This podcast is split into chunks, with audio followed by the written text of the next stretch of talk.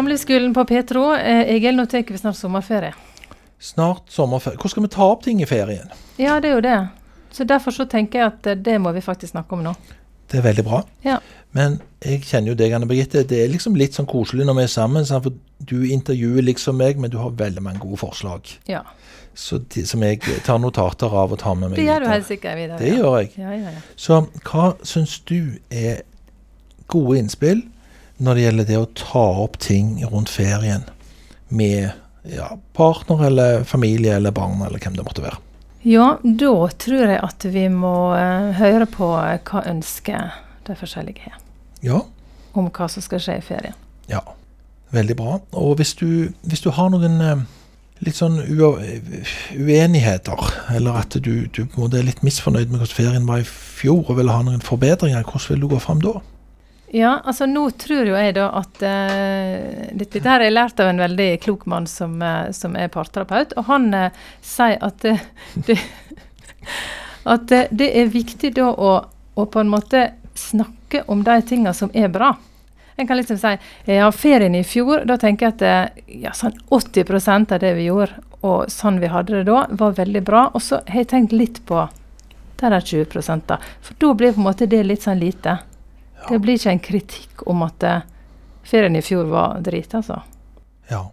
Eh, ja, det var flott. Altså, Ja. Så det er viktig å på en måte få formidla at det du tar opp, det er ikke alt. Mm. Det, det er liksom en bit. Det er ikke hele livet, liksom. Ja. Ja.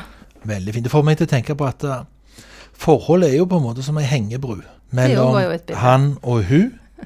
Og den relasjonen der, altså det er jo tauverket som binder alt i hop. Det er jo viktig å sikre at liksom de gode tingene Det som bekrefter at meg, du og meg, vi er bra. Mm. Vi har opplevd mange bra ting. Du er bra, jeg er bra, vi er bra. Det er ganske viktig for å tåle liksom meldingen òg. Hvis du Mm. skal trille over der en liten melding om at du var litt eh, misfornøyd med hvor mye mygg det var på ferien i fjor. Ja. Mhm. Da er det liksom at det, må være nok sånne fjøler til å Det må være nok.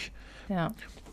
Og det, det tenker jeg liksom, det må vi ikke undervurdere. Det er akkurat som vi har snakket om før i forhold til kritikk, eller i forhold til takknemlighet. Vi må ikke ta det gode for gitt. Av og til når vanskelige ting kommer opp, hvis den andre har litt lav selvfølelse, eller det trenger ikke være at den andre har det, men det er viktig å formidle hva gode ting som står fast. Det er viktig å si det med en nøytral stemme. For likevel kan den andre følelsesfilosofi sånn eller sånn oppleve at dette er en veldig stor melding om en stor ting, mens det egentlig bare var sterke følelser på én mygg. Så det er viktig å bekrefte hva som står fast, hva som er bra mellom oss. For den andre kan faktisk miste det. Så det å forsikre om at det, det gode er trygt mellom oss, det er ikke bortkasta tid. Det er hovedoppgaven, for man skal jo tross alt være i samme bil, eller ha ferien i lag, eller samarbeide. Mm. Og da gjelder det ikke bare reisemålet, men det gjelder klima om bord i bilen, båten, hvor det måtte være.